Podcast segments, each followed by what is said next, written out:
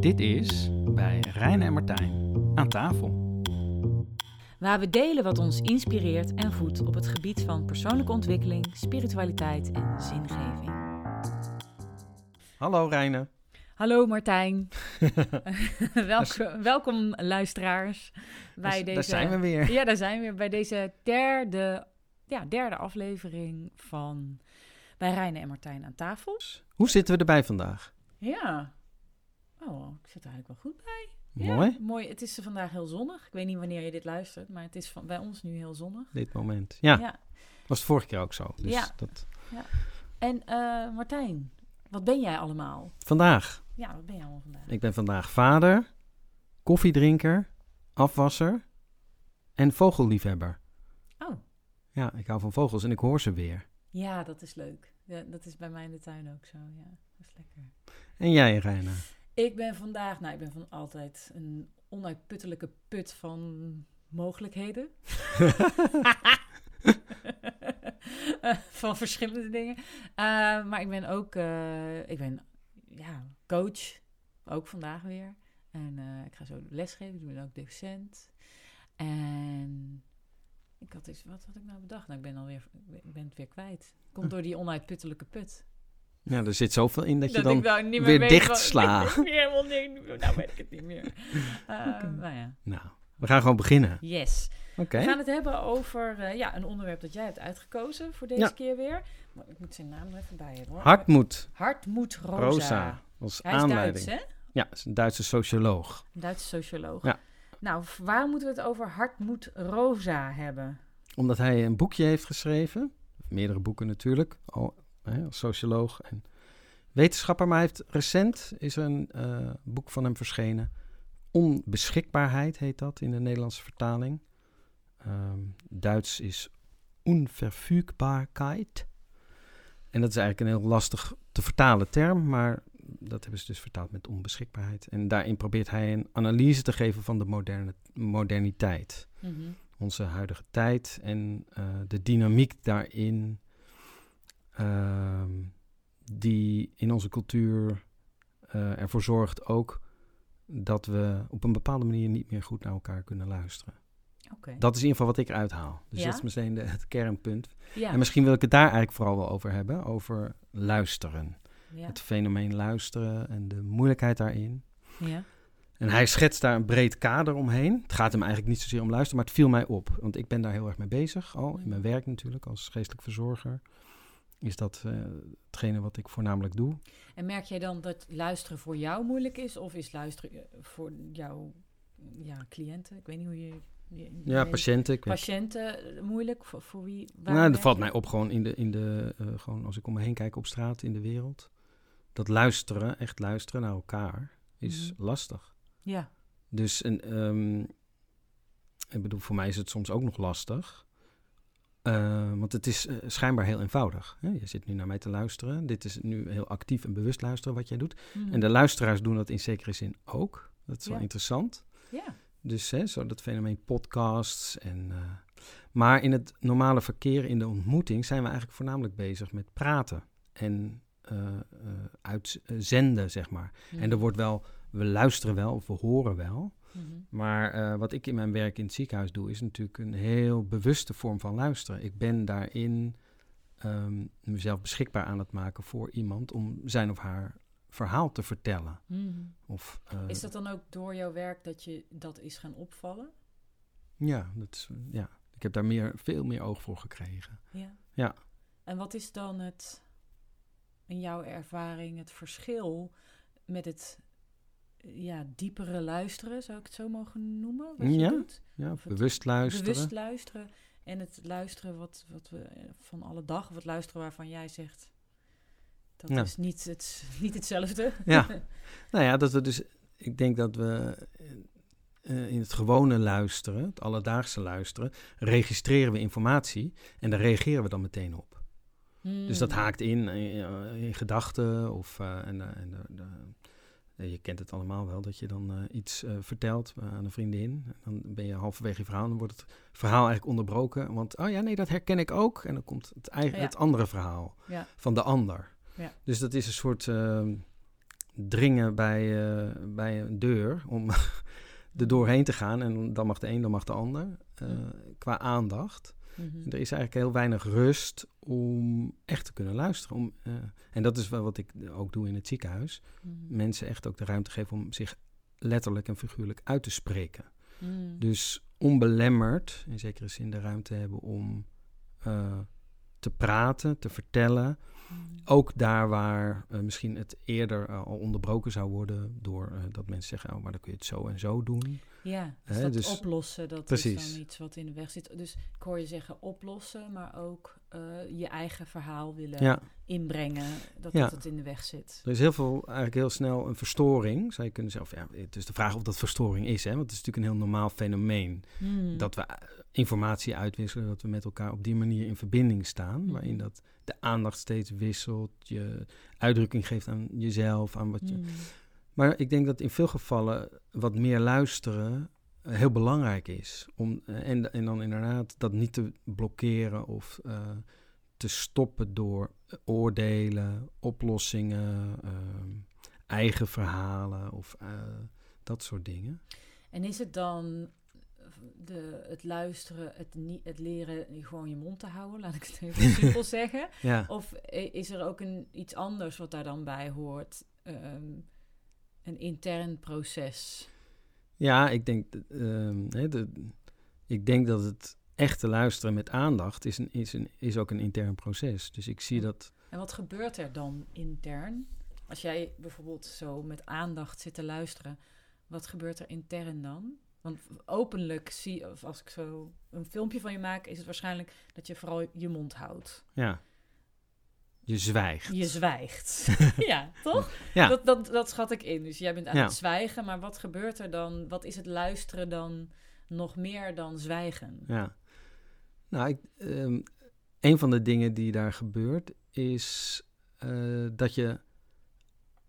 Want er is, het is niet alleen maar een zwijgen in de zin van. ehm, ja, ik vind dit. Ik, ik weet eigenlijk niet zo goed wat er gebeurt, laat ik het zo zeggen. Ik vind het heel Ja. fascinerend. Ja, En dat is dus ook een belangrijke vraag voor mij. Wat gebeurt er nou eigenlijk als we echt luisteren naar een ander? Met Ja. die. dat vind ik ook interessant. Ja, want het, het, zit, het zit hem dus vooral in. Of het, een aantal as- eh, aspecten is dat je iets niet doet. Mhm. Ja, Dus zwijgen Je bijvoorbeeld. zwijgt, eh, dus je laat dingen, je oordeelt niet, je vult niet in voor de ander, je komt niet meteen met oplossingen aan als iemand wat zegt. Maar wat doe je wel? Hè, dat is een, dus een, een vraag van mij, want er is wel een aandachtigheid naar die ander die spreekt. Ja, Dus die de is luister- ook non-verbaal. Precies, er, is, er gebeurt non-verbaal heel veel. Dus op, hè, misschien je zou kunnen zeggen op een lichamelijk-energetisch niveau. Ja, ik wou net zeggen, ik moet denken aan een concept dat heet energetic linkage. Oké. Nee, daar heb ik nooit van gehoord. Wat is dat? Ehm, dat is het idee dat je dus afstemt op de ander, niet op een verbaal, maar op een non-verbaal niveau. En dat dat een energetisch proces is. En ja, dat is natuurlijk enerzijds iets ongrijpbaars en tegelijkertijd herkent iedereen Ja. energie eigenlijk automatisch. Ja. Eh, Dat, dat, dat, is heel ja, herkenbaar. Ja. Maar eh, je weet meteen wanneer een begrafenis, wanneer iemand super eh, verdrietig is, ook al we- we- heeft hij zijn tranen gedroogd. Iets. Het zijn ook een soort sferen, hè? Sfeer. Ik, ja. ik, ik ben altijd een beetje scherp of eh, voorzichtig met het woord energie, omdat dat ook dingen kan verklaren. eh, of, eh, en daarmee, oh, dan weten we nu wat het is. Ah, ik, ja, ik, dus ik ben echt een filosoof in dat opzicht. Dus ik, het, het kan behulpzaam zijn om dingen hè, inderdaad te, te benoemen en zo. Ehm, en ik denk dat je, dat je zeker een punt hebt daar. Maar ik vind het zelf dus heel interessant om dan de volgvraag weer te stellen van... ja, wat gebeurt daar dan eigenlijk? Hè? Ook Mm. als, we, als we dat dan energieën noemen. Mhm. Ehm, hè, maar, maar sferen vind ik ook een interessant Mhm. woord wat daarbij past. Mhm. Dat je een sfeer van iemand gewaar wordt. Ja. Inderdaad, humeur Ja, is eigenlijk ook zo'n vorm van energie, zou je kunnen zeggen. Of iets, een uitstraling, wat je ook waarneemt. Hè. Dat non-verbale, daar gebeurt heel veel, maar er zit ook heel veel in de waarneming. En dat is voelen, dat is kijken. Hoe, Mm. wat is de blik van iemand? Mm. Wat gebeurt er in een gezicht? Wat hoor ik in de stem? Verandert er iets in de stem? Ja. Ehm, inderdaad, en wat voel ik bij mezelf? Dat is misschien daar. Dat Dat is resonantie, hè? dat is resonantie. Nou, het is grappig, want eh, Ja, ik ben natuurlijk net begonnen met Rosa. Waar blijft die Rosa nou? Nou, nou, hart die- moet... nou komt Rosa. Vertel eens even iets over Rosa. Ja, En misschien eh, aan... Ja. Ja, het hele interessante is dus dat Rosa, die eh, is een socioloog, die ehm, houdt zich bezig met de moderniteit als een eh, f- fenomeen, of als, hè, dat is de tijd waar we in zitten. Mhm. Of die, eh, dat is, ehm, onze cultuur wordt gekenmerkt door, eh, de, er is, er- is in en in moderne cultuur, of een laatmoderne cultuur. En dat heeft een aantal kenmerken voor hoe wij samenleven, hoe onze beschaving eruit ziet, hoe onze wereld is ingericht. En, en dat heeft als consequentie hoe wij als mensen ook in, on- in ons leven staan. En eh, Rosa is socioloog, dus die kijkt naar die arrangementen, hoe de- onze cultuur, hoe we die hebben vormgegeven en wat de impact daarvan is op het individu. Mhm. Hè, hoe de sociale omgeving, Mhm. die diep modern is, ons bepaalt. Mhm. En een van de dingen wat hij dus, waar hij dus eh, al in eerdere publicaties ook mee bezig is geweest, is de versnelling van de cultuur. Hè? Dus we zien in de afgelopen nou ja, 200 jaar, maar je kunt het zelfs nu zien in de afgelopen eh, eh, 20 jaar. Kijk naar computers. De kloksnelheid van een computer gaat elke keer weer omhoog. Nou ja, al dat soort dingen op. Dus hij zegt op technologisch niveau, op politiek niveau, op cultureel niveau zitten we in een permanente versnelling. En dat is het kenmerk, zegt hij ook, van de moderniteit, is wat hij dan noemt dynamische stabilisatie. We, zijn eigen, we moeten permanent in beweging blijven om datgene wat we hebben in de cultuur in stand te kunnen houden. Dus je kunt eigenlijk niet rusten. Mhm. En dat is natuurlijk het bekende groeimodel, ook wat kijkt naar de, de economie. Ja. We moeten, hè, de, de, de, de, jaarcijfers zijn al, weet ik veel, 25 jaar geleden kwartaalcijfers geworden. Dat geeft ook die versnelling weer. Het moet om groei gaan, het moet altijd beter, sneller, hoger, verder, et cetera. Dat is cultureel, maar ook ehm, hè, technologisch, cultureel. Nou ja, goed, dat is wat Rosa zegt. En hij ehm, constateert dat dat een grote consequentie heeft. Ja. Namelijk dat eh, hij vat dat samen als dat dat een vorm van agressie is. Dus de dynamiek van de moderniteit noemt hij eh, leidt tot een punt of punten van agressie. Wat hij zegt is, die moderniteit kenmerkt zich door het permanent beschikbaar maken van de werkelijkheid. Mhm. Dus hè, steeds sneller ehm, eh, groeien of steeds betere resultaten willen. Dat, ehm, eh, dat is een dynamiek die te maken heeft met het beschikbaar maken van de wereld. Dus- Eh, en hij beschrijft vier dimensies van beschikbaarheid. De eerste is, dingen moeten zichtbaar gemaakt worden. Ja, dat herken ik van Ja. eh, eh, social media of alles precies. delen. Alles Al- delen. Alles delen, alles moet Ja. zichtbaar gemaakt worden. Ja. En daarmee wordt het ook toegankelijk Ja.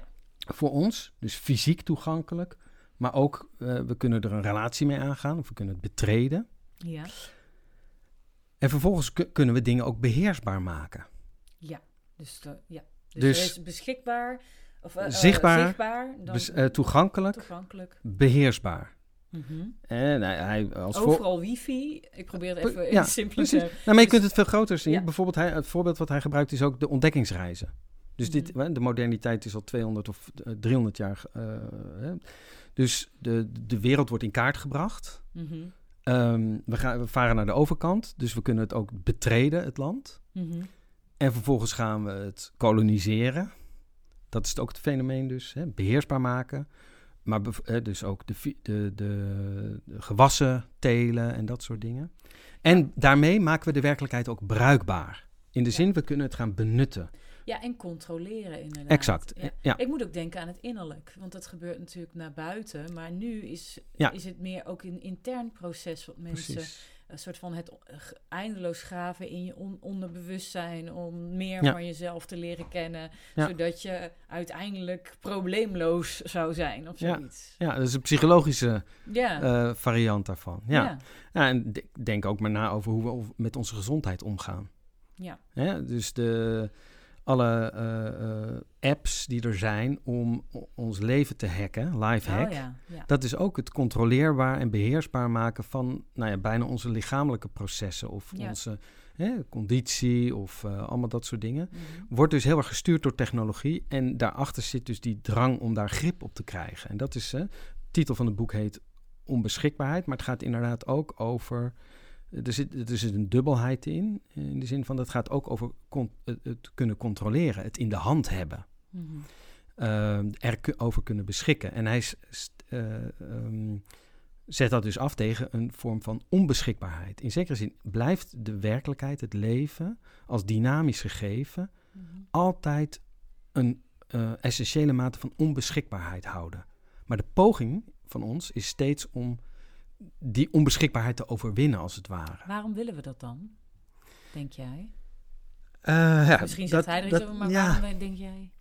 oh, dat weet ik eigenlijk niet. Is dat een natuurlijke drang?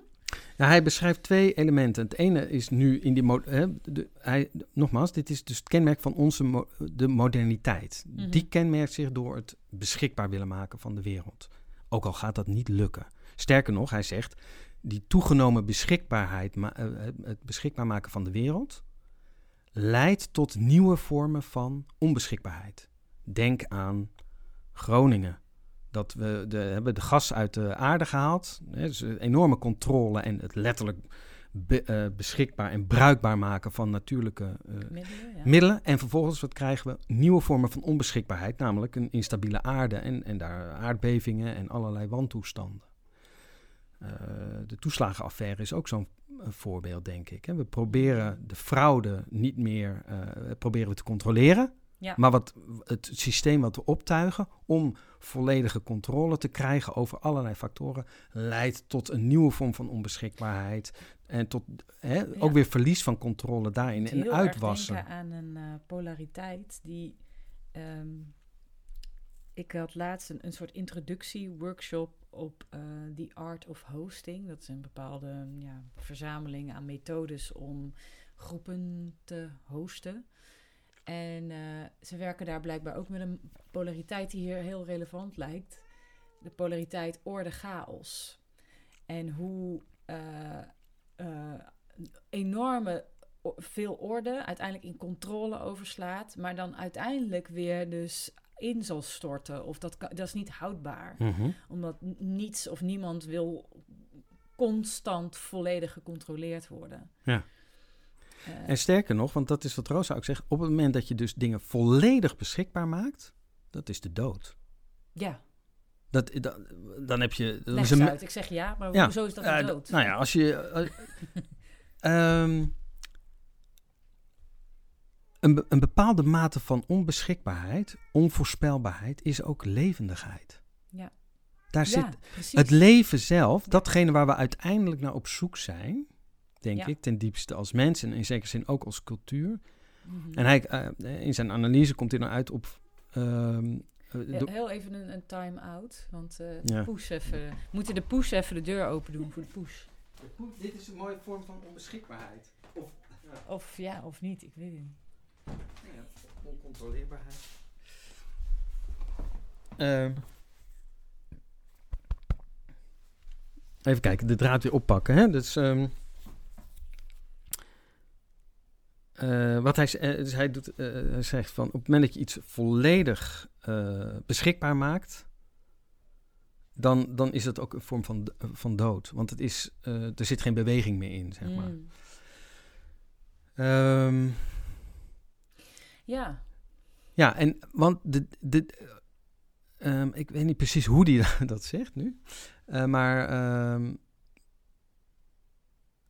en maar- en- maar- wat we nog niet, we, de link daarnet was ehm, resonantie, hè? Want dat Ja. is het begrip waar hij dus op uitkomt. Hij, hij constateert dus in de cultuur die drang om alles in zekere zin te, te controleren en daarmee dus beschikbaar te maken.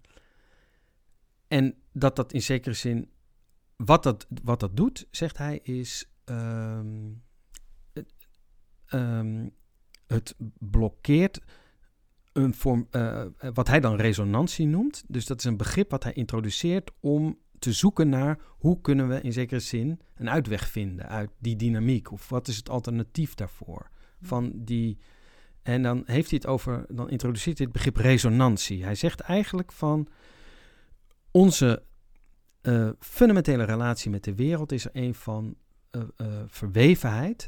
Hij heeft het dan over de fenomenologie. Dat is de, de, de filosofische traditie waar zijn sociologie op gestoeld is. Die veronderstelt dat mens verweven is met de, Mhm. met de wereld. Hè? Mhm. Ehm, we verschijnen verweven in de wereld. 's ochtends als je wakker wordt, dan is dat niet, dan, dan verschijn je niet uit het niets. Nee, er is al iets. En Ja. jij, jij verschijnt en dan kijk je om je heen en dan zeg je, oh ja, wat is er eigenlijk? En dan ga je onderscheiding aanbrengen. Maar je komt op in de dingen met de dingen. En vervolgens kun je dingen gaan onderscheiden. En dan maak je weer dit, dat, eh et cetera. Ehm, hij zegt van, eh, of hij, hij introduceert het begrip resonantie om aan te geven dat je daarmee, wanneer er sprake is van resonantie, weer in verbinding staat met de wereld. Hm. Eh, en daar, eh, dat dat een ander soort relatie is dan die relatie van agressie, die gekenmerkt wordt door beheersing. De, de dingen willen controleren en de dingen willen beheersen. Een relatie van, eh, of een resonantierelatie, zoals hij dat noemt. Hij gebruikt allerlei varianten eh, in zijn spreken of in zijn schrijven over dat woord resonantie. Kenmerkt zich door een geraakt worden door de wereld. Mhm. Waarbij er ook weer een respons is Mhm. van ons uit op die wereld. Dus tegenover de, eh, de dynamiek van de moderniteit stelt hij eigenlijk een dynamiek van resoneren. Als een, een andere manier van in de wereld staan, waarbij je veel meer en dichter komt bij nou ja, wat het leven echt is, om het zo maar even te zeggen. Dit zijn dan mijn woorden, hij zegt dat niet op die manier. Mhm. En die vier kenmerken van resonantie is misschien wel goed om even te noemen. Hij heeft dus die vier kenmerken van dimensies van beschikbaarheid. En eh, die vier kenmerken van resonantie zijn eigenlijk soort momenten. En het eerste moment is het moment van aanraken. Je wordt aangeraakt door iets. Mhm. Dus er is een soort ehm, ge- geraaktheid. Je bent geraakt door het, een blik van een ander, Mhm. een woord, een muziekstuk, een landschap. Dat doet iets met je, het zet je in beweging, zeg maar. Mhm. Ehm, en dan het andere, het de, de volgende moment is een, is een respons. Je reageert daarop. Er komt van binnenuit iets. Oh, wat prachtig. Wat een mooi berglandschap waar je opeens in staat. Of wat een... Kan je dan ook resoneren met iets negatiefs? Want het zijn allemaal wel heel eh Ja, kleurige momenten of zo. ja. Nee, ik denk dat dat zeker kan. Het, dat is dus eh, hè, de, de weerzin of de... Mhm. Eh, Dat is ook, een, denk ik, ook een, een vorm van resonantie, zeker. Ja. De, wat je voelt bij de oorlog of beelden die we zien nu, wat veel langskomt. Mhm. Ja. Dat, eh, Dus één was geraakt worden, twee was reageren. ja, of respons. Ja, en hij heeft het dan over zelfeffectiviteit. Ik ben zelf nog een beetje aan het kouwen wat hij daaronder verstaat. Maar het is eigenlijk het feit dat je dus in jezelf gewaar wordt dat er een reactie op is en dat je die ook toe-eigent. Mhm. Ehm, hè, dat heeft te maken met die verwevenheid tussen mens en wereld. En hij zegt daar wel iets moois over. Misschien toch wel even leuk om wat voor te lezen. Ja. 48. Hè? Die zelfeffectiviteit gaat ook over het vermogen dat je dus zo'n eh, eh, roep of, of een, een, een impuls van buitenaf kunt, dat je daarop kunt reageren. En hij zegt dan dat het ook belangrijk is dat je met jezelf moet kunnen resoneren. Dat je, dat je gevoel hebt met jezelf. Hè, als- wie zichzelf niet voelt, kan zich de wereld niet eigen maken. Mhm. Want het gaat dan ook weer dat je ja, weer terug naar die wereld gaat. En wie stom en doof voor de wereld is geworden, verliest ook zijn zelfgevoel. Ik zal het nog een keer eh, zeggen. Wie zichzelf niet voelt, kan zich de wereld niet eigen maken. En wie stom en doof voor de wereld is geworden, verliest ook zijn zelfgevoel. Ja. Kortom, hè, hier zit de verwevenheid tussen zelf en wereld. Dat is een soort ja, poreuze relatie. Ja. Eh, eh, en en eh, we zijn eigenlijk twee polen van, het, van hetzelfde, om het zo maar te zeggen. De wereld en wij. Daarin, dat gaat eindeloos heen en weer. Dat is een Mhm. bepaalde dynamiek. Ehm, en dat is. dat veroorzaakt. Of dat. Het derde punt wat hij dan noemt is een moment van transformatie. Waarbij je de wereld eigen maakt. Waarbij je je eigen verhouding eigenlijk tot de wereld vindt.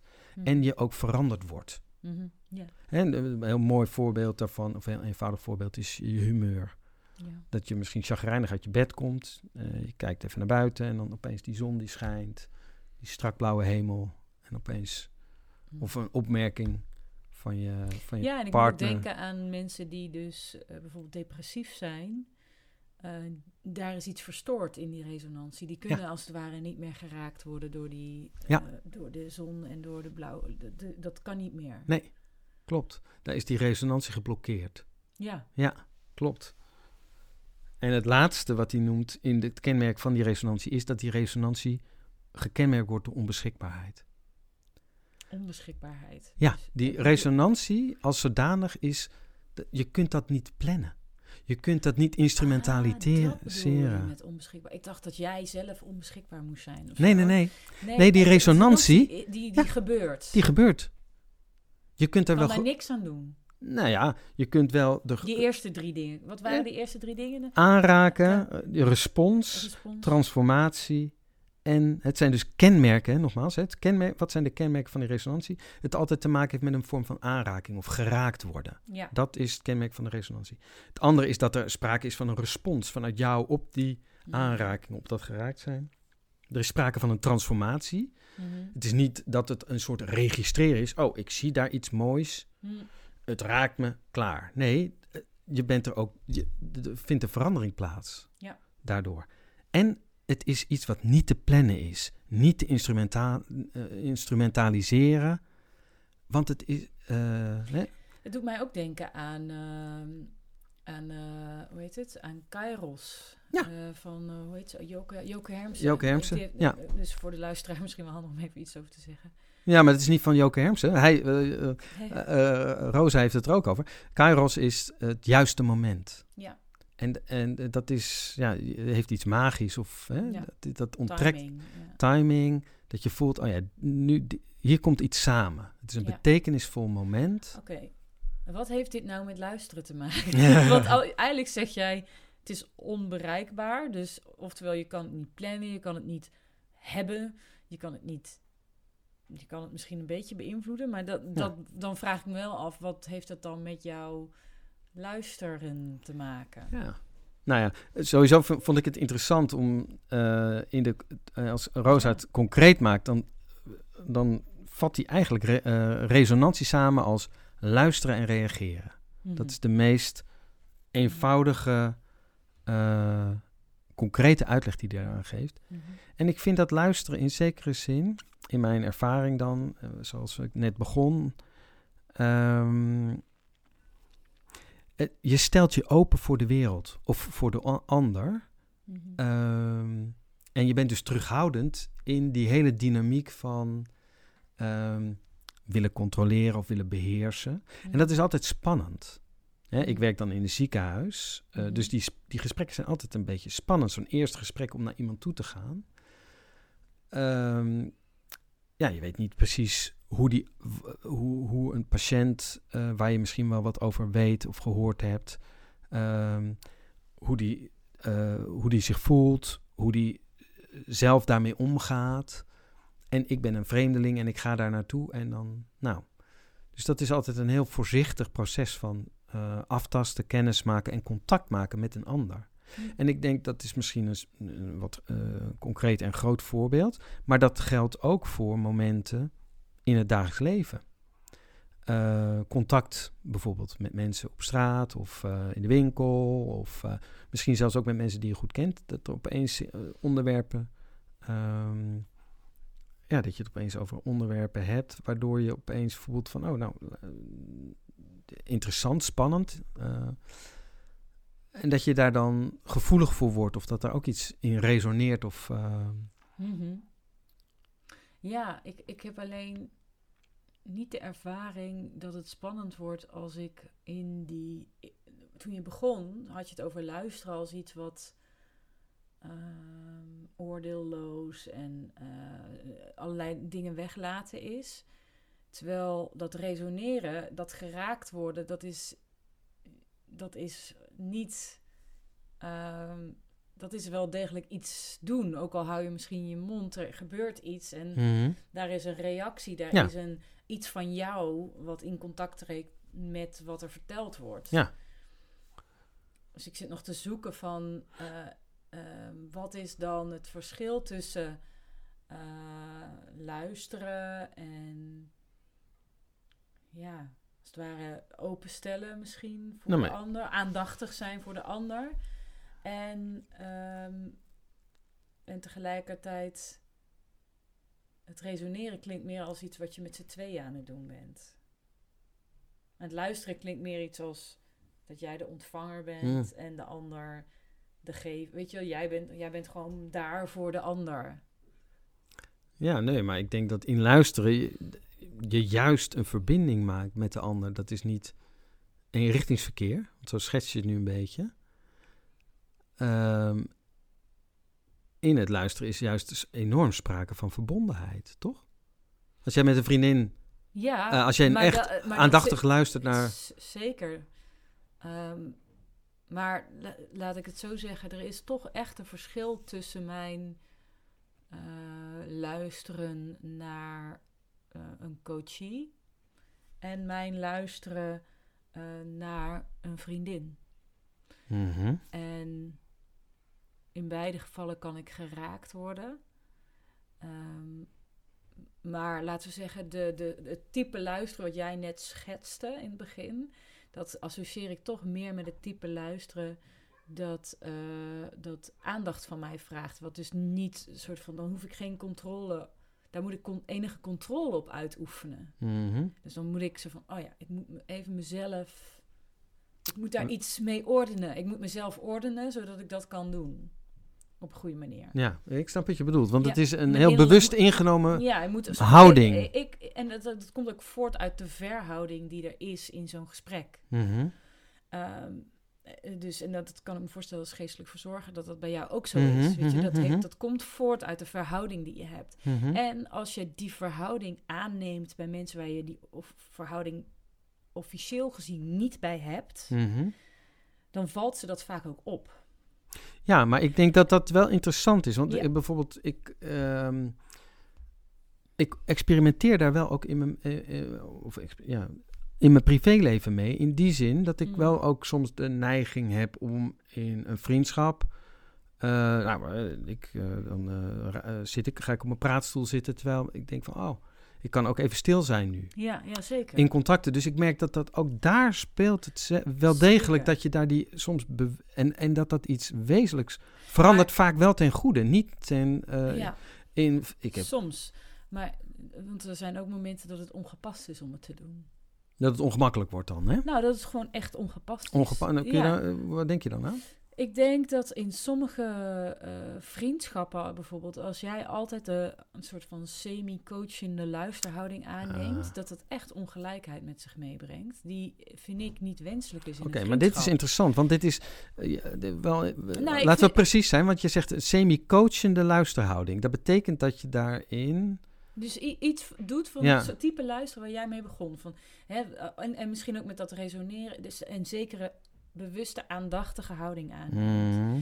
En zoals jij het erover spreekt, maar misschien va- vat ik het verkeerd op, lijkt het alsof jij interesse hebt om dat, om dat uit te breiden, dat gebied. Ja.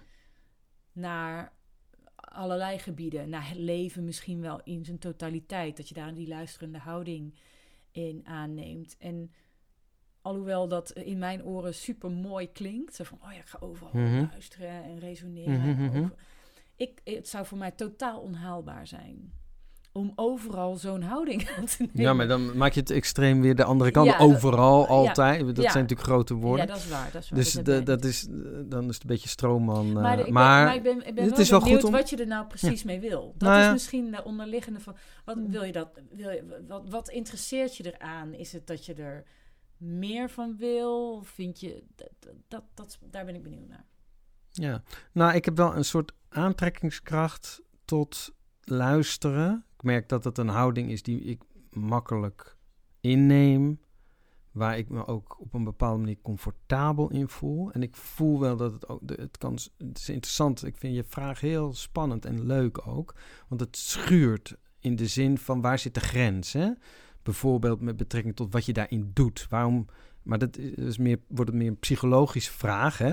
Waarom ben jij altijd aan het luisteren in die, in die vriendschap bijvoorbeeld? En die verhouding heb je altijd. Hè? Er is altijd een soort disbalans, zou je kunnen zeggen. Ik denk dat iedereen dat wel kent. Ja. Een soort van de een die kwekt en de ander is toch meer... Sta, sommige mensen zijn meer geneigd ook om te luisteren Nou, en meer ruimte zeggen- te maken voor de ander. En dan eh, kun je natuurlijk de vraag zijn- stellen misschien dat daar een stukje empowerment belangrijk is. En laat dat ook... weet ik niet. of- Je, je kan ook zeggen, kijk, als we dit, dit, dit trekken naar een spirituele houding van Mhm. luisteren, dan denk ik wel dat eh, je rekening te houden met elke vorm van spiritualiteit, dat, er, dat er, het goed is dat er een diversiteit is, omdat mensen nou helemaal verschillen. Mhm. Eh, dus laten we zeggen, wat zou kunnen zijn, ik weet niet of dat bij jou zo is, maar dat je wat introvertere aanleg hebt. Mhm. Eh, of dat nou door je opvoeding of je genen komt, maakt niet zoveel uit. Het is nu zo. Mhm. En ehm, dat het dan heel fijn is om een vorm van spiritualiteit te nemen die, die, die past bij je aanleg. Ja. Ehm, ik, ik, vind niet per se dat we allemaal constant een uitdaging over. Je kan ook gewoon best iets kiezen wat gewoon bij je past. Ja. zeggen. Oké, maar ik, zit, Maar- ik zat meer te denken... Oh, eh, nee, maak, maak je gedachten Dat is een beetje naar aanleiding wat jij zei van mensen verschillen daarin. Maar het hoeft van mij niet per se te gaan over die psychologische kant, noemde jij het net. Mhm. Zo van, dan maak, eh, ik ben gewoon überhaupt benieuwd van, eh, je- bent erin geïnteresseerd in het luisteren als iets wat, ja, wat jou prikkelt. En meestal als Ja. mij iets prikkelt, dan heb ik daar een soort van, soort van, oh, ik wil er meer van, of ik wil er minder van, of ik wil Mhm. leren, of ik denk dat het goed is voor iedereen om dat te leren. Ja. Meestal heb je daar een soort van, en daar, daar was ik benieuwd Oké, naar. ja, nee, dat is helder. Ik, tweeledig is dat denk ik mijn prikkeling. Eén is, zou kunnen zeggen, de, de politiek-sociale dimensie. Dat ik denk, er wordt veel te weinig geluisterd. Mm. Punt. Die stelling wil ik hier gewoon verdedigen. In de zin van, als ik zie hoe dat binnen organisaties gaat, binnen de organisatie waar ik werk, dus vooral in hiërarchische verhoudingen, daar waar dingen met elkaar, waar we met elkaar moeten samenleven, wordt er heel veel gedaan. Iedereen rent keihard, wordt hard gewerkt.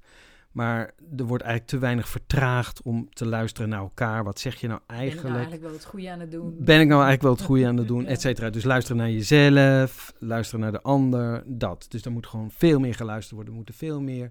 En dus de dolgedraaide machine van efficiëntie en effectiviteit... die eigenlijk overal in alle sectoren... eh, mensen aan het letterlijk en figuurlijk aan het opbranden is. Het antwoord daarop is denk ik... stilte, zwijgen, luisteren. Ga eens afstemmen. Waar zijn we nou eigenlijk met elkaar mee bezig? Dat soort dingen. Dus Ja. dat is één. Even wachten. We zijn op 40 minuten bijna. Ah, oké. we moeten gaan afronden. Ja, maar dan weet je dat. Ja. Dit kan ik er makkelijk uitknippen nu. Ja. Het tweede punt heeft te maken met eh, voor mij een zoektocht naar een vorm van spiritualiteit voor deze tijd.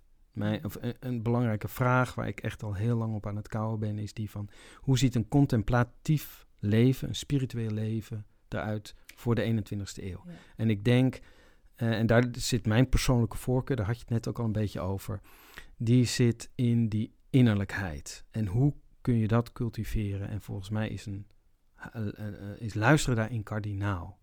In de zin van dat is een vorm van passiviteit, maar tegelijkertijd hebben we ook geconstateerd al dat er heel veel in gebeurt. Mhm. Dus je bent daarin heel actief, alleen op een andere manier. Heel erg op zoek naar die resonantie. Mhm. Op zoek naar een andere verbinding met de wereld. Mhm. Ehm, en ik vind die super interessant, omdat die ook heel. Ja, ik, ik heb daar een zwak voor. Die is bescheiden. Dat is niet een ronkende, empowerende spiritualiteit waarbij je jezelf helemaal heruitvindt of via Mhm. een ayahuasca eh, ding je oude shit opbrandt en daarna als een soort superman weer. Nee, ik weet, ik zit een Ja, beetje nou, te schetsen. nou, ja, ja, ja. Dus, eh, en ook, ik wil niet dissen of zo, maar weet je, ik heb een voorliefde voor, ja, misschien zijn het hele klassieke deugden. Ik denk dat een vorm van spiritualiteit daarmee samenhangt. Bescheidenheid, een vorm van ehm, afgestemdheid, veel, veel kleiner. Het moet, ja, de- daar Het zit mag ik. veel kleiner. Het mag veel kleiner en veel intiem. Weet je, spiritualiteit voor mij in de essentie gaat om de intimiteit, om, om de intimiteit van je hart. Van Mm. de, eh, soort van. eh, nou, ik, ik, ik heb niet zulke goede woorden hier, merk ik. Nee, ik vind, misschien zijn het er eh, minder. Ja, er is. Ja. Dus. Ja, eh, Mooi, ja, ik, ik merk dat ik nog graag door zou praten erover. Eh, maar dat, dat gaat vanzelf in de volgende podcast op een of andere manier weer verder, dit gesprek. Ehm, ja, wat, ik, ik denk dat het wel mooi is om even te zeggen van wat ik er heel erg uit heb gehaald. Wat ik heel mooi vond, is dat we, dat we begonnen met dat luisteren en wat dat betekende voor jou. En daarna Rosa heel erg als een soort van een kader hebben gebruikt. Om, om, ja, om, om op een andere manier te gaan kijken naar het luisteren als resoneren. Mhm. En ook eh, als een manier om aan die eh, beschikbaarheid, ja, dwang, vat Mhm. ik even in mijn woorden samen, te ontkomen of, of je daar los van te maken.